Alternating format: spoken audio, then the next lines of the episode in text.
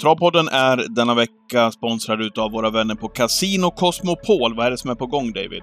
Mm, eh, onsdagen den 15 mars, alltså 15 i tredje, fyller Casino Cosmopol i Stockholm 20 år och det här vill man ju såklart fira genom att ha en helkväll. Den onsdagen är det V86-tävlingar från Solvalla och Bergsåker. Dessutom är det kända gäster såsom Hasse Backe, Stig och Johansson. Det är frågesport med balla priser bra käk, pokerturnering och Som Champions alltid, League. som alltid mellan- bra käk, måste jag säga. Det är alltid bra käk på kasinot. Och Champions League då mellan Real Madrid och Liverpool. Den matchen kanske är lite avgjord eller inte. Det har ju varit sjuka vändningar i Champions League förut. Så det är en rejäl spelstuga för oss som älskar sport och gillar spel. Verkligen. Välkomna till Casino Cosmopol. Glöm inte att ni måste vara 20 år för att komma in. Alla visar lägg och vi puffar givetvis för stödlinjen.se. Tack till Casino Cosmopol.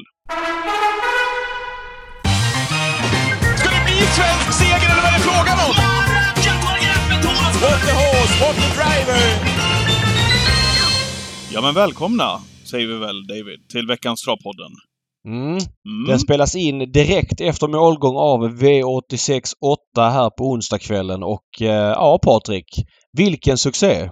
Ja, men det får vi ändå säga att det har varit nu eh, för eh, Spel och lekkontoret och de spel som har lämnats in de senaste veckorna. Ehm, ja, det känns... Jag vet inte, det känns... Det känns märkligt att sitta och prata om sina egna system, men det är jäkligt kul för de som har varit med och köpt, kan man säga. Ja men så är det. Vi brinner ju för travet och eh, vi har ju en, vi är en del av Gambling Cabin som är ett vinstdrivande företag och där säljer vi travandelar och vi pratar om dem eh, innan podden och liksom inte på några andra ställen liksom. Nej. Det är ju lite det som finansierar att podden kan rulla på eh, och då såklart vissa reklaminslag men vi gör inget annat. Vi tar inte betalt för podden. Den är gratis och ja, oberoende och allt det där. Men förra onsdagen Ja, men det, Eh, det de är väl bra att du säger det, för det är väl inte så ofta vi pratar om det. Om man är med och också köper andelar så är det också någonting som gör att vi kan rulla den här podden som, som ändå många tycker om att lyssna på, vilket är kul. Ja Så men så är det. Det, liksom, det Eh, blir ett litet win-win där. Ja men så är det. Det kostar ju att redigera en podd och allt det där så att eh, där gjorde United 2-1. Vilket mål av Garnacho. Kul för dig Patrik som hejar på United. Tack så Nej men så är det. Eh, och det ska man veta att eh, det är svårt att vinna på trav i längden och, och sådär. Men nu har vi haft en väldigt framgångsrik, framgångsrik vecka. Det började redan i onsdags förra veckan då du smygstartade med en 15 000 kronors vinst på V86. Det blev jackpot på sexorna den kvällen men du fick ändå ja, ta det av kakan som gick att ta helt enkelt. Ja, ja men så var det. Eh, desto roligare får man väl ändå säga, trots allt, även om det var härligt för de som köpte den andelen förra veckan. Eh, V86 ikväll eh, på mitt unika system som, eh, som inbringade åtta rätt innan det var klart. Och vi, vi hade lite sms-konversation här innan, ja men på slutet här, framförallt efter att Joje de Synj hade vunnit den sjätte avdelningen, för då, då började det ju hetta till lite grann. Mm. Eh, Ja, det får man säga. alltså det var ju väldigt konstig V86-omgång. Det är, ju- allting är lätt i efterhand. Men för min del var det ju två överspelare som vann i början. Jag trodde ingenting på Midnight Special. Ja, jag jag Och- spikade ju den på två av fyra system. Ja, jag vet. Och jag, jag dissade den rakt av. Eh, och jag trodde väldigt lite på Cool Kronos. Och, men det kändes, en, trots att de här två vann som var ganska betrodda. Eh, Midnight Special var ju 27% och Cool Kronos var 17 Det var värdet 134 spänn. Det är ganska mycket Mm. efter två avdelningar på två betrodda. Nu var det jackpot. Men sen när, i öppna V863 när Jeans and Booth vinner på Jägersro som väl var tredjehandlare till 14% så går den upp till 510 kronor. Där fick man en kraftig känsla då att oj, här är det väldigt många som har mm, stekt någon av dem i början. Framförallt Cool Kronos där jag vet att Svante Båth låg lite Ja. halvlågt och det var ja, med träningsbalans och han var jättedålig i årsdebuten förra året och årsdebut nu igen och sådär. Han gick ju ett par riktigt bra lopp där eh, sent förra året men nu så låg de lågt och att han kunde vinna det blev liksom en konstig mix för många spelare. Um, och sen när den stora favoriten brände i V864 där du spikade Even Younger som du har bra, bra koll på eh, sen ett par starter på Rommetravet. Ja, precis. Jag kan väl säga det, på det här systemet som satt då och gav, vad blev det till slut? 1, nästan 1,2 eller? Ja, 1 miljon 123 Ja, okej. 828 kronor. drygt 1,1 miljoner så hade jag inte spikat Midnight Special på det, utan de två spikarna som var på det systemet var ju Even Younger och Corazon DB. Eh, Corazon DB Mm. som har spik på samtliga eh, system. Men just Even Younger, det går ju att spika en sån häst till 7% på ett större, unikt system. Andelen kostade 371 kronor. Ehm, jämfört med de här lite mindre systemen som kanske inte spelar ja, men, för samma utdelning så att säga. Men Even Younger, precis som du säger, hade jag ju sett på Romme här vid några starter. Passi har varit här och startat den vid två tillfällen. Jag sa till honom efter, i vinnarkirken, efter första gången det vann, att det här har du ju någonting Ja, men någonting extra på gång igen. Och Pass är ju en blyg figur. Han är ju inte den som tar till överord i vinnarkirken, eller överhuvudtaget. Eh, men jag hörde ändå redan då på honom, han sa ja men det, det här, den här är bra. Sen kom nu utgången efter eh, och vann väl igen på, på Romme. Och Var sedan, han igen och sen var han tvåa eller var han trea där på Valla. Ja, Då precis. mötte han ju fick, och fick stryk av Make It Chairman men det var tredje spår fram och så vidare. Nu med två strykningar var det ju perfekt. Det var ju det Ja. som var grejen också, precis. Ja. Att det var två strykningar i loppet. Borde hamna hyggligt till. Tycker att kapaciteten är, ja, men är så pass bra och att han var spelbar på 7-8 procent där gjorde att jag, jag spikade honom från det där läget också. Ja, Men det, men det har ju mycket, ja tack, det var ju mycket tack vare att jag sett honom, pratat med Pasi, fått det där intrycket av att det är en klasshäst även när han varit ute och värmt inför de här loppen. När de har tjänat så lite pengar också så är det så otroligt viktigt att se vad har de för utstrålning, vad har de för kapacitet. Och Ja, sen när de kommer ut och visar det där i loppen sen också gör ju att jag fastnade för honom. Så att det, det, var, ju, det var ju spännande för sista avdelningen där. Ja men vi kan prata om Iv- Ivory Arm som var avdelning 5 också. De- Den var 19 procent och det var... Där hade väl många garderat men det var också en som jag tror att många rankade ner lite grann. Eh, lite jobbigt läge. Per Nordström från bakspår. Han vinner sina flesta lopp i spets och så vidare. Det var- liksom flera faktorer som kändes halvkallt där kände jag och den trendade väl också lite halv neråt. Men sen kom smällen då i V866. Jojoj Jojoj Duchenne Mm. med Ola Johan Östre till 2% Men även den rensade väldigt bra. Eh, Jag menar, det var ett lopp där favoriten var kall. Ulf Stenström och hade Ja. dåliga träningsförhållanden med Matchem och, och den var ju livlös i årsdebuten. Visst, det var barfota och Magnus nu. Den trendade Mm. också neråt. Eh, så det som är spännande i de där, David, i de här loppen, ursäkta att jag avbryter, det är ju att han hade bricka 8 över 1640 volt och Mm. mycket ligger ju i, ja men Uffe Olsson han har spår 1 eh, i de här loppen, det är sällan han bommar spets, då ska han ha riktiga ånglok den första biten. Så jag förstod ju att Östre skulle kunna få en bra position. Ryggledan, troligt tredje invändigt eh, som sämst.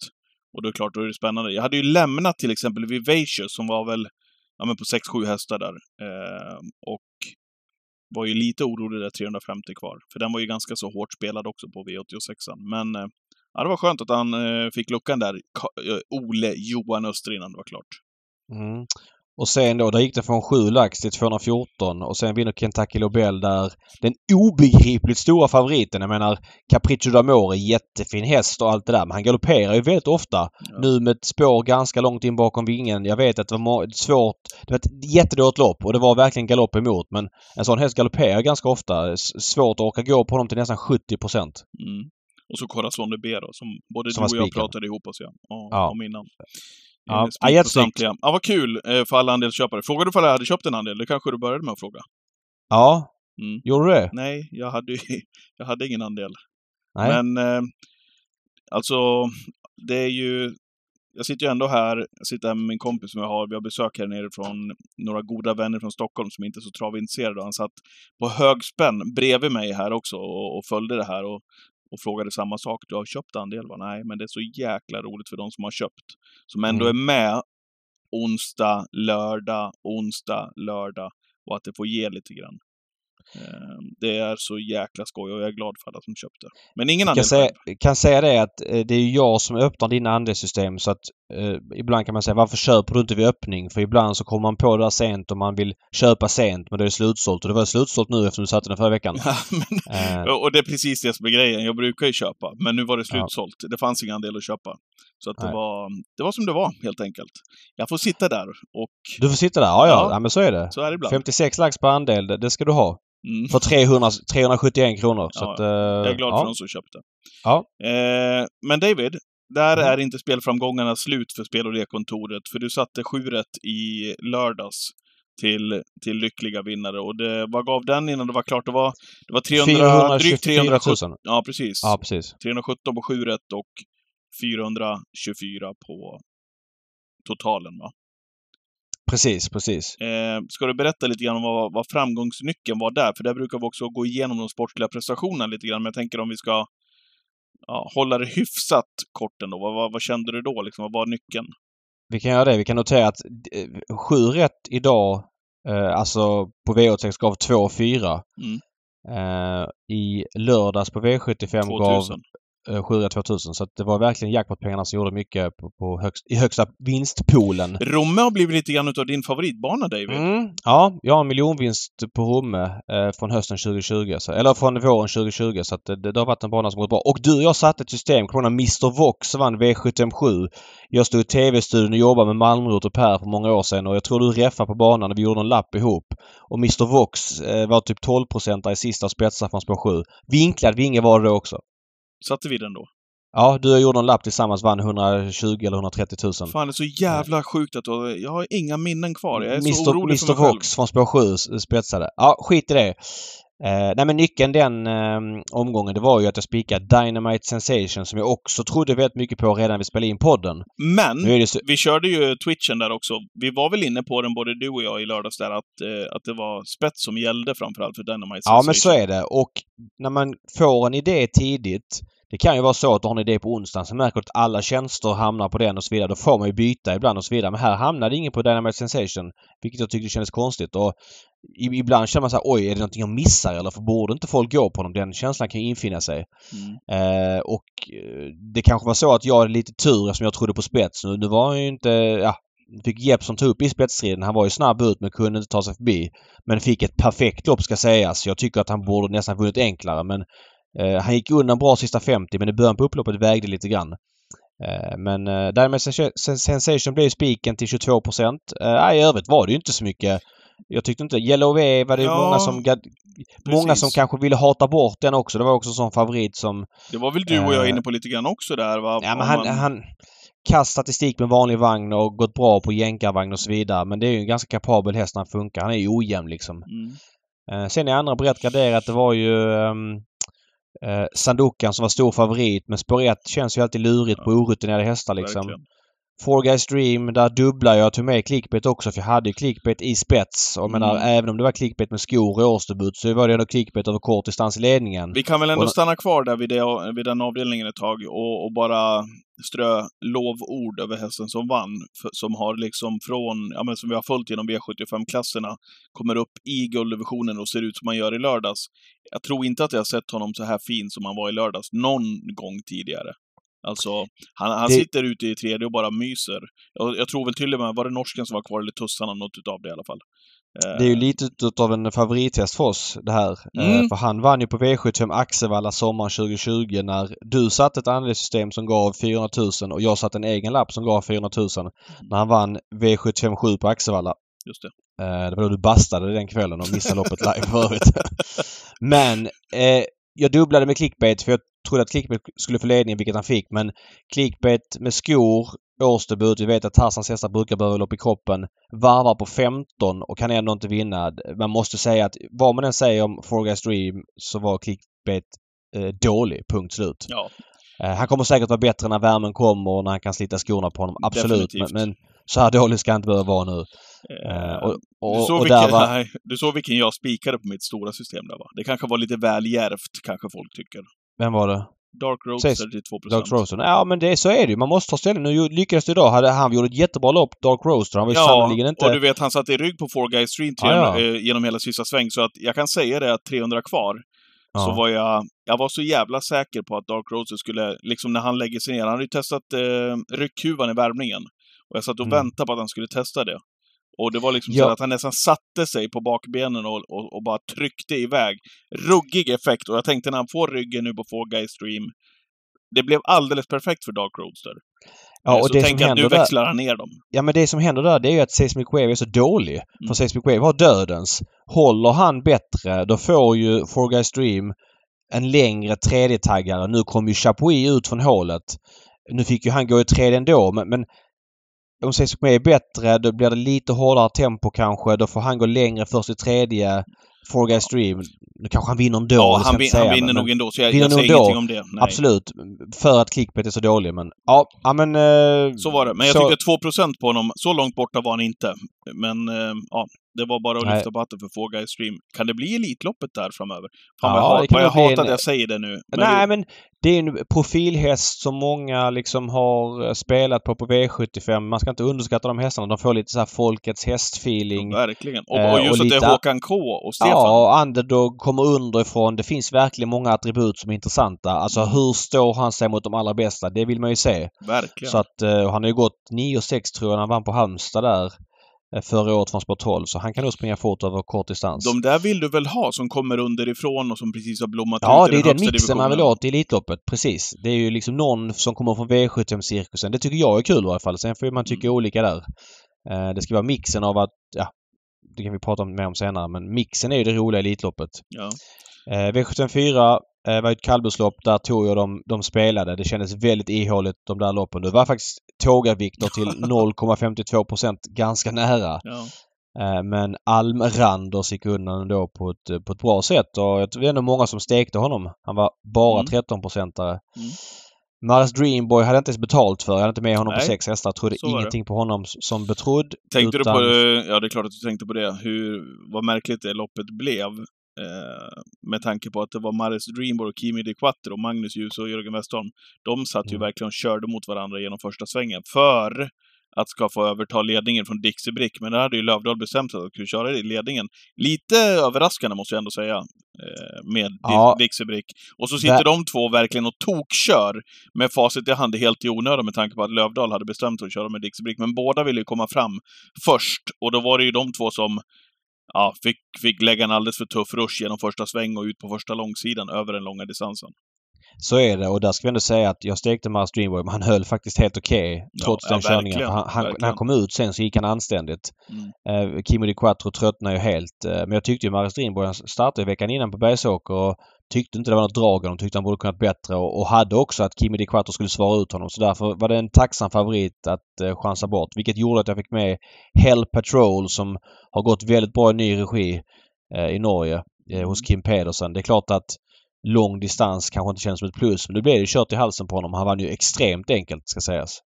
Benita Winner skrällvann sen för eh, Carl-Johan Jeppsson, som för övrigt tog en trippel, ska nämnas i sammanhanget. Ja, vi ska komma till det också. Eh, Benita Winner eh, vann och där hade jag faktiskt med mål tvåan Krakas som var 1,43 procent. Som också är väldigt nära att vinna.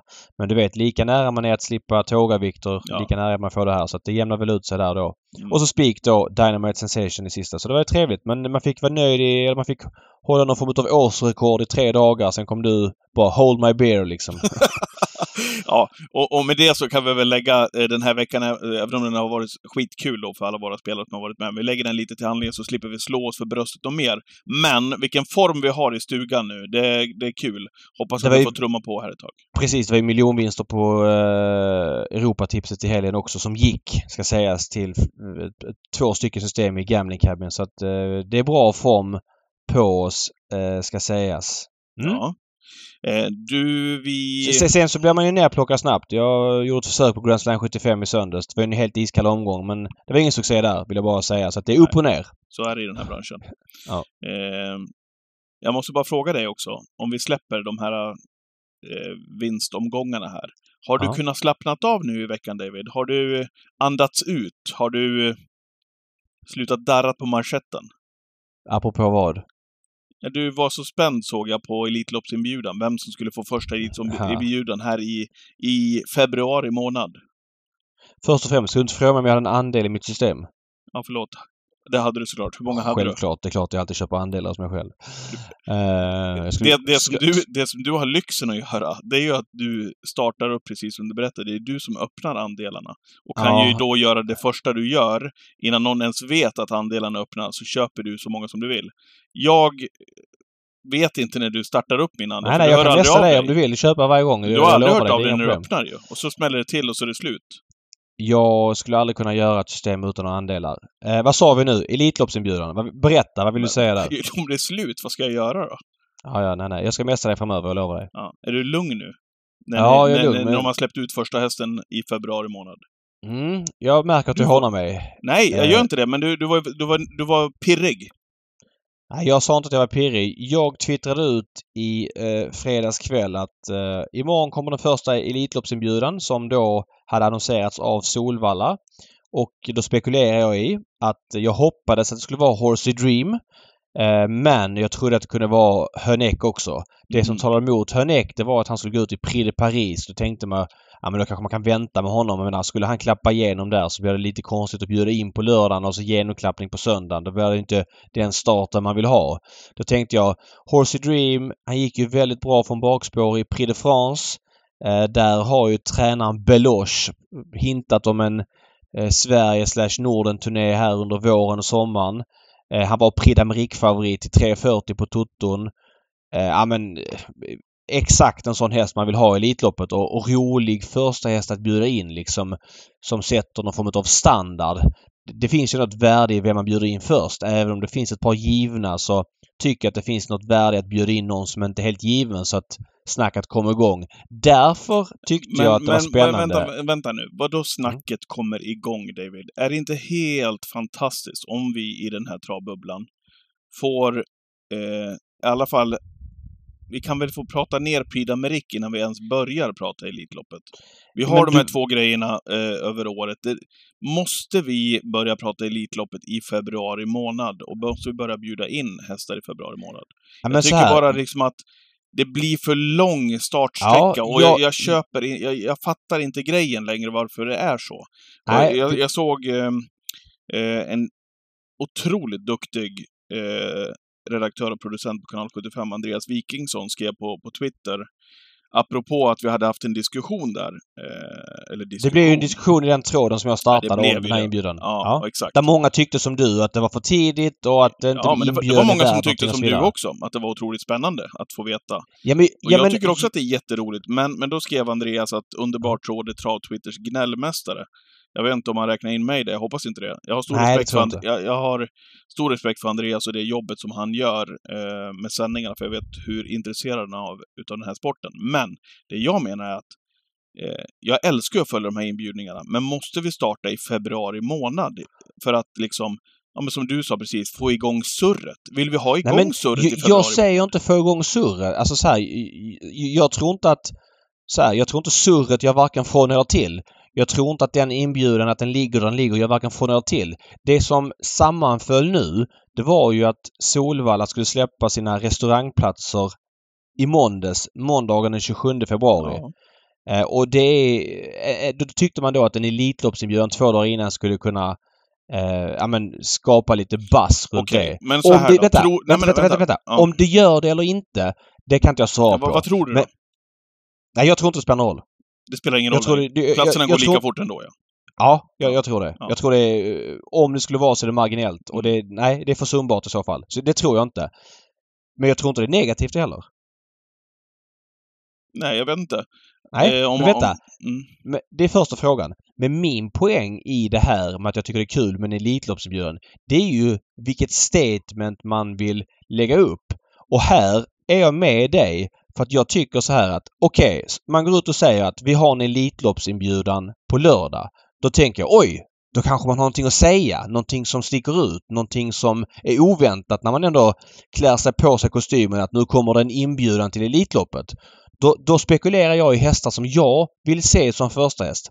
Horsey Dream, första häst. Hönek, andrahandsalternativ. Av de jag tänkte. För att de har ju startat i Frankrike, Malmö och varit där nere. Han borde ha surrat på dem. De var tänkbara. Att sen San Motör blir inbjuden, det gör mig ändå lite besviken. Och då vill jag verkligen säga, inte för att San Motör inte platsar i Elitloppet. Nej, han, kanske är den mest Han, han vill man ju kanske- verkligen ha med. kanske den mest givna av alla hästar. Kanske den mest givna.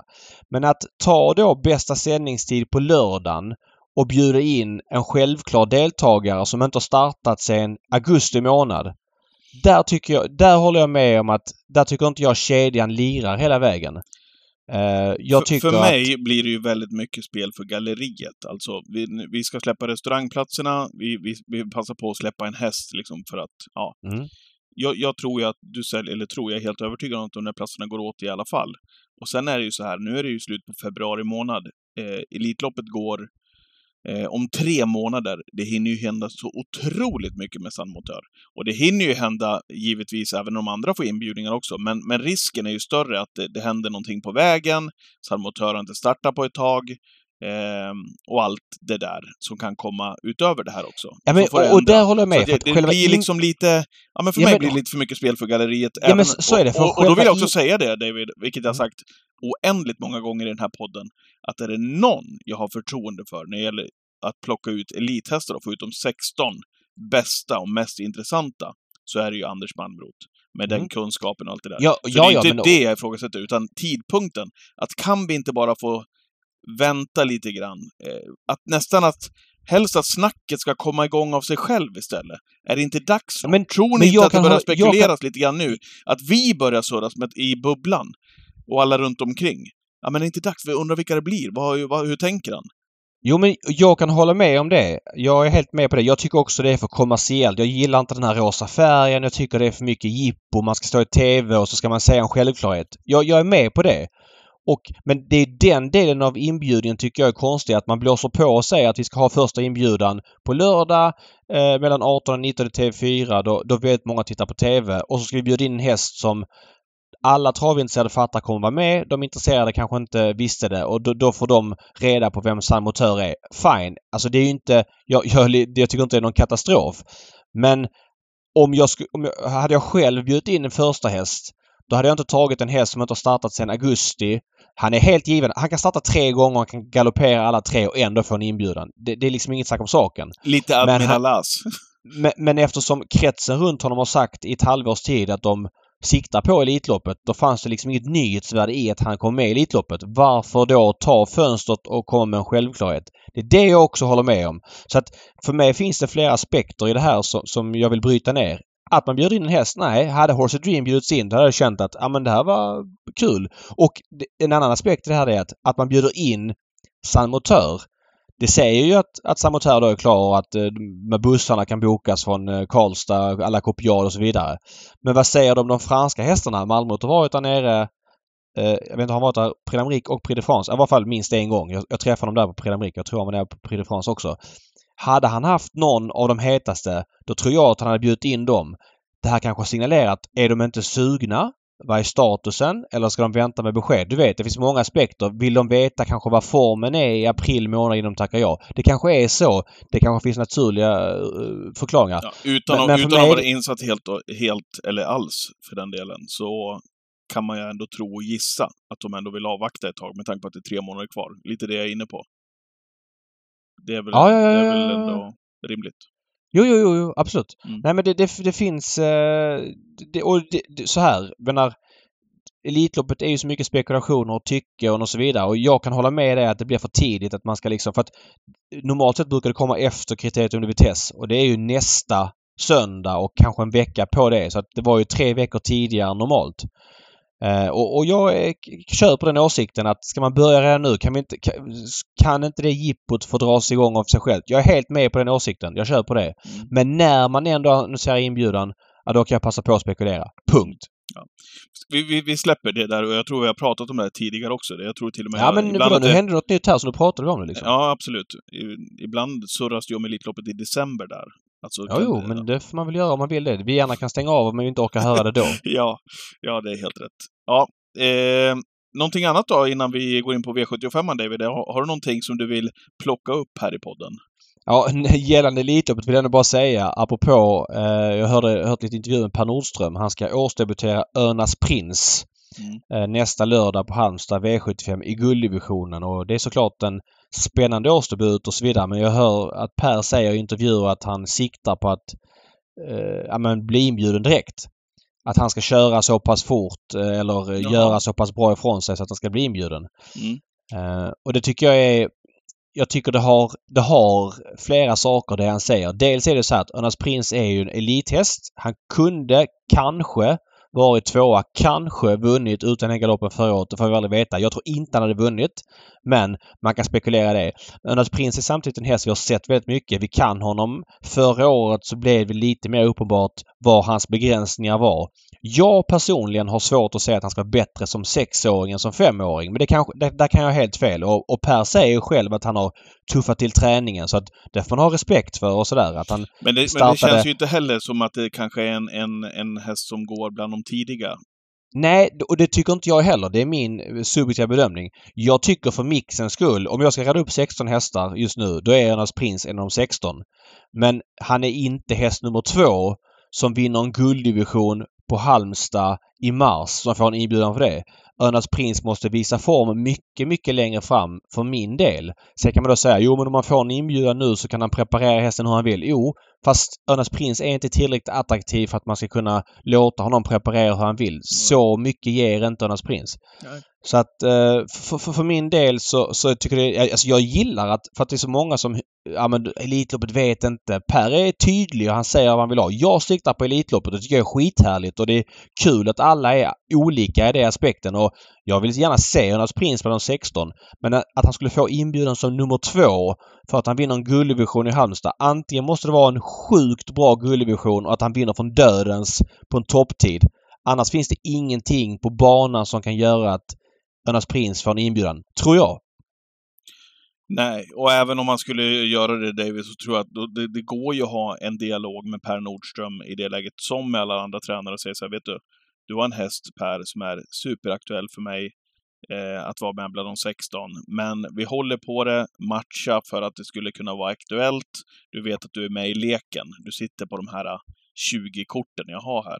Och fortsätter han att visa Ja. form. Det är ju liksom inget, man behöver ju inte berätta att du är klar i mars. Nej men och, och så är det ju för att Önas Prins, om, om det är så att han inte får en inbjudan och han vinner.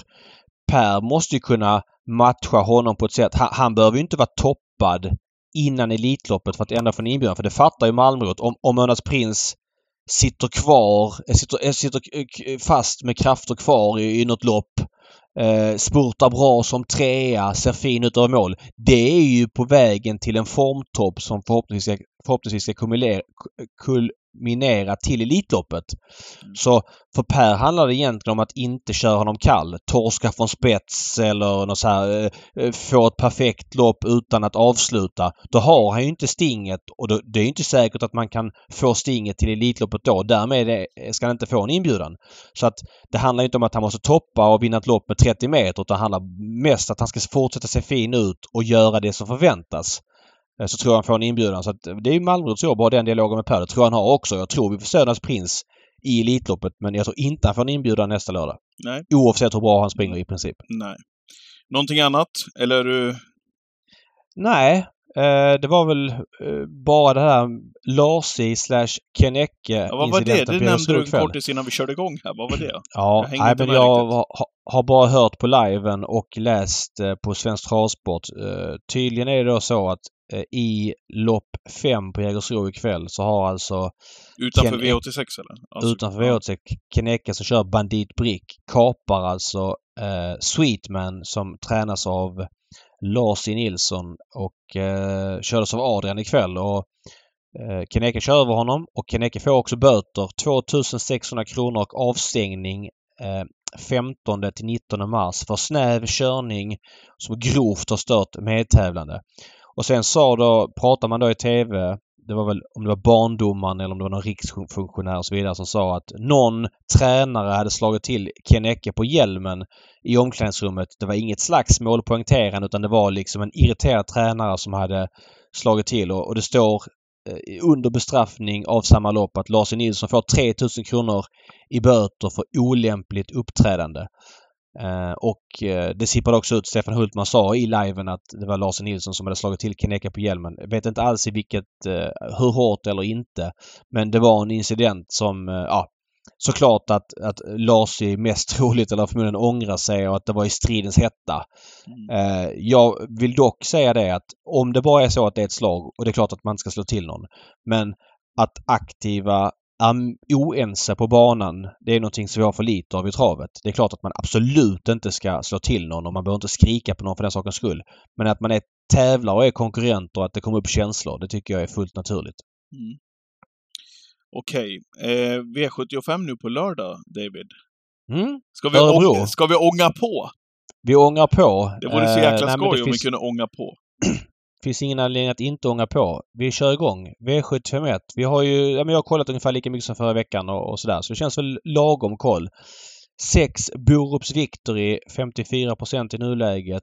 Eh, det är ju flera andra som tävlar barfota runt om. Han går ju med skor. Det ska vi säga, ja. Ja, men jag tror inte det spelar någon roll överhuvudtaget. Jag tror att Nej. han är på en helt annan nivå. Dels hur han ser ut, dels vad Wäjersten säger. Eh, jag tror att eh, Daniel kör till spets lite grann när han vill i det här loppet. Det är ju King of Everything som är snabb ut som skulle kunna svara med Magnus men där har ju Claes Svensson sagt flera gånger att han är bäst i ryggar och King of, King of Everything har ju fått några tuffa lopp tidigare i karriären och kastat in från spets ett par gånger. Jag tror inte man vill ta emot Borups Victory. Jag tror inte, man Eh, kan ta emot Det, Borups det som Victory. är kul med King of Everything är att det är biken på nu. Biken på för första gången, det är superintressant. Det och måste det är klart man ändå att säga.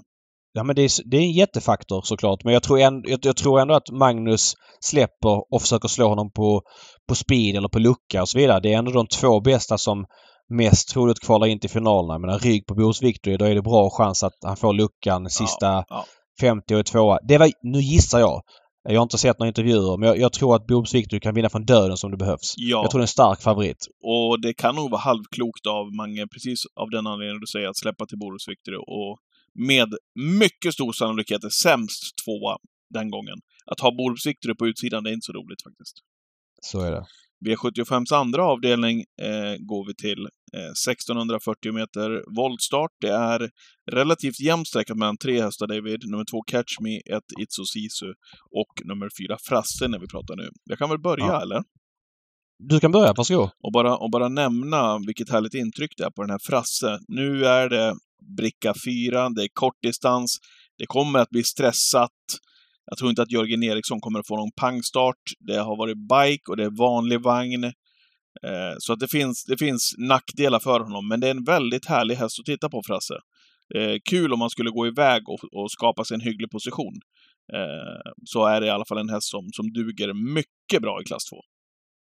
Mm. Eh, Jag har inget riktigt spontant dragande. Det är 1640 volt vilket gör att de där bak eh, får det lite tuffare. Den här Nordic Star Toma öppnade ju bra senast från spår 2 volten. Kör till ledningen. Nu gick det ju väldigt långsamt det loppet men det gick ju 11 och 6 sista 500. Ehm, jag vet inte om han står pall av att spetsa på V75 och springa 13 första fem och 13 på varvet. Det har jag ingen aning om men Nej. snabb ut är han i varje fall. PG eh, spår eller eh, 8 känns ju i alla fall lite halvinsatt även om det skor på honom. Ehm, spontant så här några dagar innan. V75s tredje avdelning, eh, 2100 meter. Ska du ge upp på Spickelback Face snart, Niva? Tvärtom, absolut inte. Du ska jaga absolut- honom in i kaklet! Ja men eh, jag, senast Chapuis startade i lördag så sa jag i den här podden att jag tyckte han var extremt eh, eh, överspelad och jag tycker han blir extremt överspelad igen. Han startade i lördags, eh, kunde inte ta en längd på clickbait, gick ner i rygg, fick luckan. Axade okej till andra priset men, men jag menar får han ett perfekt lopp på det sättet och ändå inte är närmare Forga Stream i mål. Det säger mycket om Chapuis. Full väg nu. Vet du hur många gånger han har vunnit över full väg? När du säger så så gissar jag att det är ingen. Han har startat 34 gånger och han har vunnit två över Okej. full väg. Eh, Oavsett, om du tittar till motståndet som han har invändigt om sig här, eh, Mm. Så kommer Nej. han ju swisha till ledningen. Ja, Spickelback men så Face är tar inte emot, det är perfekt med bricka 5 på Örebro. Vagabond B kan inte öppna, Hard Times öppnar inte, Island Life öppnar inte i närheten av Chapuis. Så han kommer ju sitta i spets på när bilen släpper. Det kommer inte ens ta 12 meter den här gången, om vi nu spekulerar det. Ja, det blev också lite körning senast mot Clickbait. Eh, Mm. Även om inte det blev någon utdragen körning. Men ehm, ja, här sitter han ju i spets och jag vet inte vem av de övriga som ska göra jobbet i det här loppet om nu Spickelback Face hamnar en bit invändigt. Det kanske är så och då får det vara så att han vinner för spets. Det, det kan han absolut göra Över såklart. Örebros kommer, korta upplopp. För det är ingen kommer- av de övriga heller Nej. där som går fram kommer och att bli känner. 60 procentare. Men jag, jag kan ändå inte gå. Jag vill betala för en häst som Pinto Bob. Nu är det barfota runt om.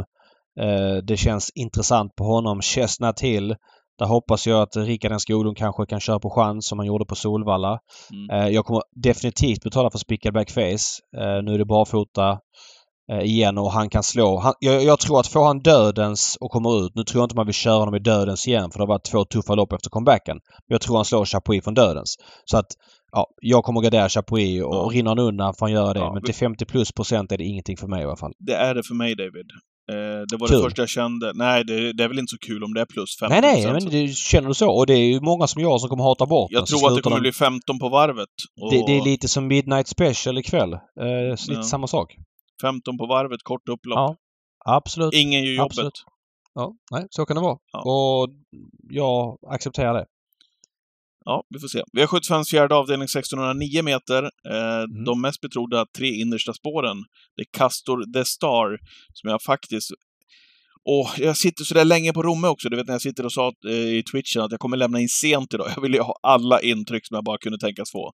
Och lämnar väl in systemet typ 16 och 19 eller något liknande. Mm. Eh, och switchar om till spik på Castor The Star, för jag tyckte att det var den som stack ut trots allt. Ja, men det var, det var, jag gillar den spiken, att ta ställning i ett sånt öppet lopp. Ja, det var ju det som var grejen och, och att jag inte liksom hade någon superfeeling för någon annan i loppet heller. Mm. Eh, ja, han gick okej, måste man ändå säga, som trea. Nu har han Mm. ju fått ett läge, det är barfota runt om, det är biken på. Han har gått med vanlig vagn, det har varit skor på sistone. Han var ju väldigt bra när han var tvåa där i, i var det kvalet till derbyt va? Ja, då gick han bakifrån och spurtade bra. Han är ju Mm. väldigt startsnabb också. Han hade ju spår 1 eh, på eh, Solvalla Elitloppshelgen förra Mm. året. Och sen har det blivit bättre på Örebro när man kör 16-9. Ja, man kör normalt sett sex- 1600 va?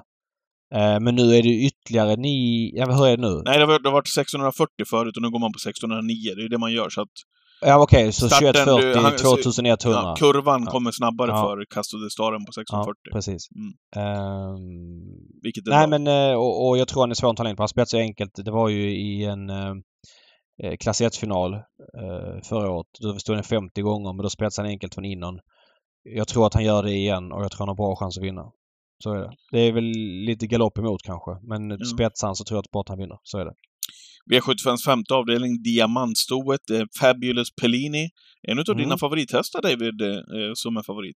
Jag gillar henne. Ja, det Eh, måste man göra. Ja, det måste man göra. Men jag tror att hon är kall här. Eh, Bakspår, jämnt fält, eh, må- många motståndare, lättas i balansen. Och jag vet att hon är väldigt skör den här hästen. Daniel har sagt det flera gånger att eh, hon har inte många maxprestationer i rad i sig. Eh, hon ska gå till avel här snart så jag vet inte hur många starter hon har kvar. Det är klart att hon, är hon som senast och kommer igenom så, så, kan hon väl mycket väl vinna men loppet senast var faktiskt ganska dåligt. Eh, det räckte med 13 blankt för att vinna. Låt vara att banan var långsam den dagen. Men, men både Mara Dreamboy och Axel Ruda var sämre som gick i rygg och sådär så att Nej, jag skulle vara li- lite och varmare förutsättningar. Spår 9 är överskattat 50% Tack och hej säger jag. Här har jag ett jättedrag som känns intressant. Nej, vad kul! Två Tänk om vi har samma. Hatusa. Jaha, okej. Nej, det var inte samma. Barfota runt om, eh, jänkarvagn. Eh, bra avslutning senast. Nej, jag, jag tror att hon känns... Hon hon har nog en vettig chans att komma till ledningen och kanske, kanske, kanske vinna. Hon tar inte längd på Ninja Zon från start men skulle Uffe ladda så kanske han kan hålla ut Graces Candy. Kanske Ja, men långsökt, det var, det var, var dit jag skulle komma. Det är mitt drag i loppet. Graces Candy. Hon Kanske bara- är så att han inte kan hålla ut den ändå när jag funderar. Men Hon jag tycker är- ändå att hon är underspelad eh, Hatusa. Men vad är Graces Candy då, David? Men barfota runt om nu, har gått Ja. med skor. Eh, hon är ute på kortdistans igen. Eh, hon har varit ute över medel i de två senaste starterna. Var ju jättefin när hon slog Vinci Nice på Färjestad för tre starter sen. I, Mm. i början på januari. Ja, det, det var en oväntat bra faktiskt på Färjestad. Det måste man ge henne. Och Mm. även eh, gedigna insatser vid segrarna dessförinnan. Hon älskar ju de här förutsättningarna med kortdistans, få springa barfota nu. Eh, perfekt läge. 2% på henne tycker jag känns...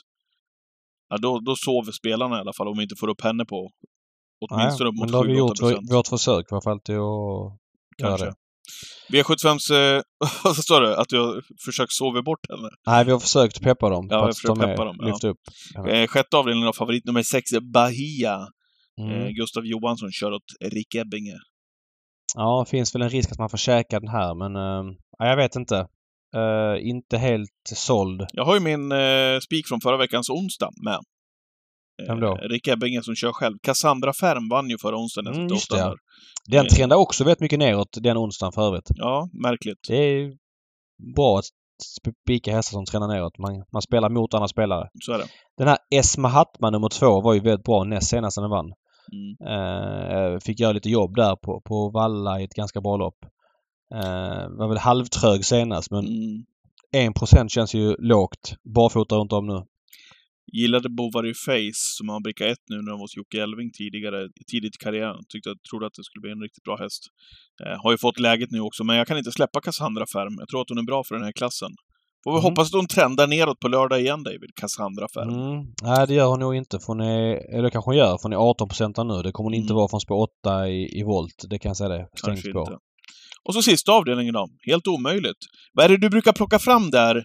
Nu har vi en, två, nu är det tidigt i veckan. Eh, Ja. En, två, tre, fyra, fem, sex hästar just nu som spelar mellan 10 och 16 procent. Då brukar du alltid plocka fram den minst, vet du vilken den minst spelade V75-hästen är? Och jag glömmer alltid av det. Var det någon Svante Båth-häst va? Nej, Nej. den det var, det var ju eh, i Stonas E3-final, Ja. typ Örebro för 6-7 år sedan. Eh, Romme, va? Den, ja, eller Heloise Am eller Heloise Boko. Eh, det var en E3-final, korta E3-final för Ston. Hon var väl 15,62 procent. Men det slogs ju eh, på Axevalla nyårsafton när eh, Katrin SH var favorit i V71. Hon var 14,25 procent som favorit. Så det är det lägsta, minsta V75-favoriten någonsin. Det är så kul att du håller koll på det. Ja. Eh, och här, här har vi alltså en favorit som ligger på 14 procent just nu. Nej, 15, förlåt. Debonair Mm. Mary, nummer ett. Ja, han, han är nog bästa hästen här tror jag. Alltså han utvecklas väldigt mycket just nu och eh, det är ju en välstammad herre som har varit lite, haft problem men Wäjersten han, han lyckas med allt. Eh, jag tror det är någonting vi bara får vänja oss vid för han är så sjukt vass på att träna häst. Um, barfota på honom känns intressant. Däremot tror jag det kan vara lite galopprisk från innan på, på honom. Han är inte helt enkel. Eh, jag vet Mats körde honom uh, näst senast där i finalerna. Då var han svår att släppa av och hade svårt att trava in sig. Så att eh, Jag vill nog inte gå på honom. Jeppas uppercut. Mm. Kan inte vara läge för det nu. Äntligen ett bra spår. Har haft 11, 11, 8 på slutet. Eh, Ja. Erik kör. Jag Ja, gillar... det- Ja, förlåt. Jag Nej, gillar... jag, eh, jag lyfter fram den. jag gillar 7%. Global Above All. 10% Ja, det förstår jag att jag. Eh, och kolla, kolla på lägena den har haft. Om du, har du så att du kan trycka fram det? Absolut. Eh, Kolla den spåren har de haft, fem senaste. ja, 10, 10, 4, 11, 12. Det är inte så kul. Nej. Bricka 3 den här gången, dessutom över, över långdistans. Tycker att den är bra faktiskt. Så att eh, håller han sig runt 14 så är han, då är han tänkbar att gå på. Ja. Tycker jag. Han är, han är så pass rejäl så att han borde, ja men i ett klass 1-försök, eh, duga, duga en bit faktiskt. Jag gillar han. Där har, där, Ja. har vi, där har vi omgången. Svårare än så var det inte. ja. Får vi se då om vi kan eh, fortsätta. Eh, om stimmet håller i sig. Lördag 13.00 Twitchen. Ehm, mm. Precis. kul Då bild. kör vi mellan 1 och 2 som vanligt. Nu är det dags för det här.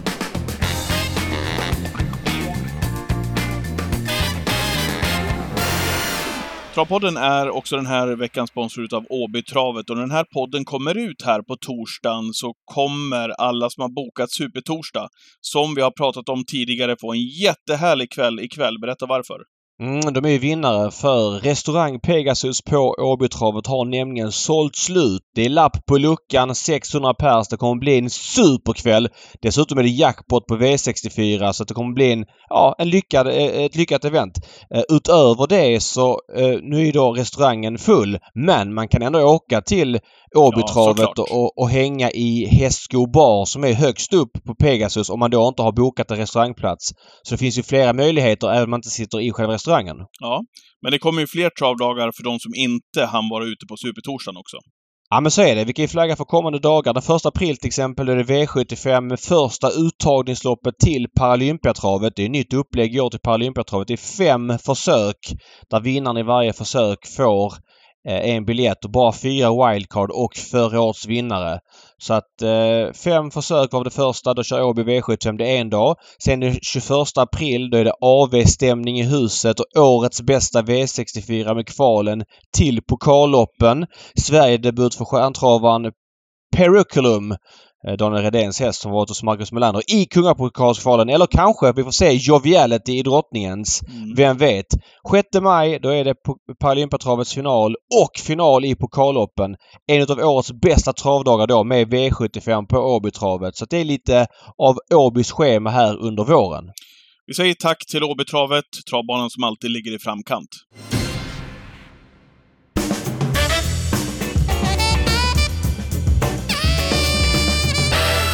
Härligt att du påade eh, veckans hiss och diss, David.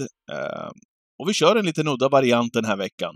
Jag sitter ju här och äter rysk kaviar, så att jag ja, tänkte du är luta mig lite tillbaka. minstrött så du har inte mage och, och sådär. Så jag kan ehm, både hissa och dissa. Ja, men jag gör det. Jag har både bra och dåliga grejer. Uh, det var ett jackpot här på slutet. Då ser man lite mer trav. Så att, Ja, eh, ja. då får man lite, lite mer feeling. Jo! Men börja med att dissa, dissa tycker jag. Ja, jag börjar med att dissa. Eh, Jag följer Grand Slam-tävlingarna i söndags från Bergsåker och eh, Grand Slam 75-2 var alltså ett kallblodsmonterlopp. Eh, Jag tror man skriver ut ungefär 35 stycken per år. Eh, Ja, jag vet inte. Eh, Lägg ner det eller ha det inte på V75. Eh, Det var alltså Nej, det, var inte, det var inte på V75 väl? Nej, Grand Slam 75 förlåt. Mm, mm. Det var hästar över hela upploppet. Alltså det var inte liksom att det var 100 meter mellan varje häst. Den här som vann la väl en 30-40 meters gunga och bara sprang runt dem. Eh, klacksilver. Det ska ju inte han behöva skämmas för. Eh, men, men det är för ojämn kvalitet och det, det går inte. De känns inte byggda för att springa monté. Det blir liksom mycket galopper och sprickor i fälten och ja, jag vet inte. Inte värdigt eh, att definitivt inte ligga på streckspelet. Jag Om de kör det på Bollnäs som lopp ett i oktober, varsågoda. Men det känns för ojämnt. Varje gång jag ser kallblodsmonté så känner jag att oj, hur många kommer mål här? Och lite så var det här också. Titta gärna på det loppet. Grand Slam 75 från i söndags. Grand Slam 75 2. Eller, eller titta inte på det loppet. Eller jo, titta på det och se hur det kan se ut. Så här ser nästan alla eh, kallblodsmontélopp ut. Så att, ja, det var, inte, det var ingen grann syn. Nej. Men det var hissen. Ja, i samma omgång. Grand Slam 75... Grand Slam 75 7. Mycket bokstäver här. Uh, där eh, var en, hä- gjorde en häst årsdebut som jag har bra koll på. Som jag kände att wow, han kan vara bra direkt. Men uh, jag var lite osäker för man låg lågt i intervjuerna. Men vilken uppsyn det är! Baltimore Face. Denna fyraåring med Musikface som pappa och Olivia America som mamma. Eh, En Ludvig Colgjini och Anna Svensson uppfödning tränas av Elisabeth Lundholm. Nej, Alltså han har ett rörelsemönster som får en att bli kär. Eh, Man kan Oj. inte se härligare ut som travhäst. Han bara studsar fram på banan. Det är sånt gung i honom. Det är sån svikt i honom. Eh, och han är väldigt bra. Han årsdebuterade alltså här på 13 och 6 full väg, nybliven fyraåring och eh, ja Elisabeth Lundholm var ju väldigt mycket om att ah, det blir lugnt, eh, lugnt med honom nu. Han är inte anmäld till någonting. Vi kommer ta det väldigt försiktigt. Sjukt fin häst och Okej. hoppas verkligen Han är inte att, eh, anmäld till något större lopp där eller? Nej, hon Nej. sa att hon stod över allting så han kommer väl få starta igång. Det blir väl någon V7-lopp och sånt Ja, men kul, Och- kul att följa en sån häst ju. Ja. Men eh, kolla gärna på honom också. Grand Slam 75 7 från i söndags. Baltimore Face. Jag vet att många av er som lyssnar har sett honom tidigare. Men har ni inte gjort det, var bekanta med honom. Man kan inte se bättre ut som travhäst än vad han gör. Härligt David, där har vi Mm. veckans podd. Så är det. Så är det. Får jag bara fråga, när ska Bengan ut? Vet inte. Nej, du har inte fått några... Inga Nej, jag har inte frågat heller. indikationer? Nej. Nej, jag har inte frågat heller. Nej, okej. Eh, Nej. Jag gissar att den kommer ut i april om jag får höfta. För att, Mm. för att hästarna brukar komma ut då, men jag har ingen aning. Nej, okej. Ja, men vad bra David. Eh, Ja. Ska vi dra ihop det här tycker du och puffa för Twitchen 13.00 på, Ja, på lördag? 13.00 lördag. Jag kommer vara på plats i Sälen. Jag åker ju Vasaloppet i helgen nu, så jag är ju någonstans där i starten och kör. Eh, ja, men, ja, just det. Men du, du kan köra Twitchen på lördag. Det är söndag, Ja, ja. Du, bra, det är söndag du brassar på. Eh, Ja, får jag bara säga det? Jag, var, jag var upp till Mora här i förra veckan. Min Mm. äldsta dotter åkte ju... Vad heter det då? Heter det Kortvasan? Är det halva distansen? Nej, ja, exakt. Tjejvasan åkte hon. Kanske. Mm. Eh, åkte... Och jäklar vad, vilken trevlig stämning det är där. Jag blev... Eh, jag fick ju en inbjudan av dig i podden förra veckan. Mm. Eller nej, det Att kanske jag inte fick. Jag kanske Jo, fick fick på... du att åka. Absolut. Mm, eller om jag fick det eh, över telefon. Men eh, skitsamma. Jag fick det i alla fall av det. Det var inte ens nära. Men så var jag upp då och tittade på det här spektaklet. Och eh, det kan man ju tänka att man, att man ofta är då när man bor i Dalarna. Men jag har inte varit upp där. Men Nej. vad trevligt det var där uppe. Alltså det var ju musik och det var eh, tjo och tjim. Jag åkte ju då längs bilen med, i spåren där och stannade till bortanför Eldris för att då heja på min dotter. Eh, och det var musik och det var så härlig stämning bland alla som åkt, åkte eh, det där loppet. Så då kan jag tänka mig hur det är för er också. Även om det tar lite längre tid att åka hela såklart. Och, det, är en, det är en liten tuffare ansträngning. Men det var, det var häftigt att se på nära håll. Så att kanske, kanske David, utan att lova någonting i den här podden, så står vi där på startlinjen ihop 2024. Ja, vad kul! Ja, jag kommer åka nästa år så att... eh, Jag blev kul pepp. att du Jag, jag blev pepp. Ja, vad härligt att du blev det. Ja, Mm. jag ser fram emot det. Bra då. Eh, vi Toppen. tackar alla eh, som lyssnar, precis som vanligt. Puffar för Twitchen och om inte annat så hänger ni med på Spel och det-kontoret, är med på våra andelar. Eh, och så, Om man vill. Givetvis. Så är det alltid. Och så hörs vi igen nästa vecka. Hej hej. Hej.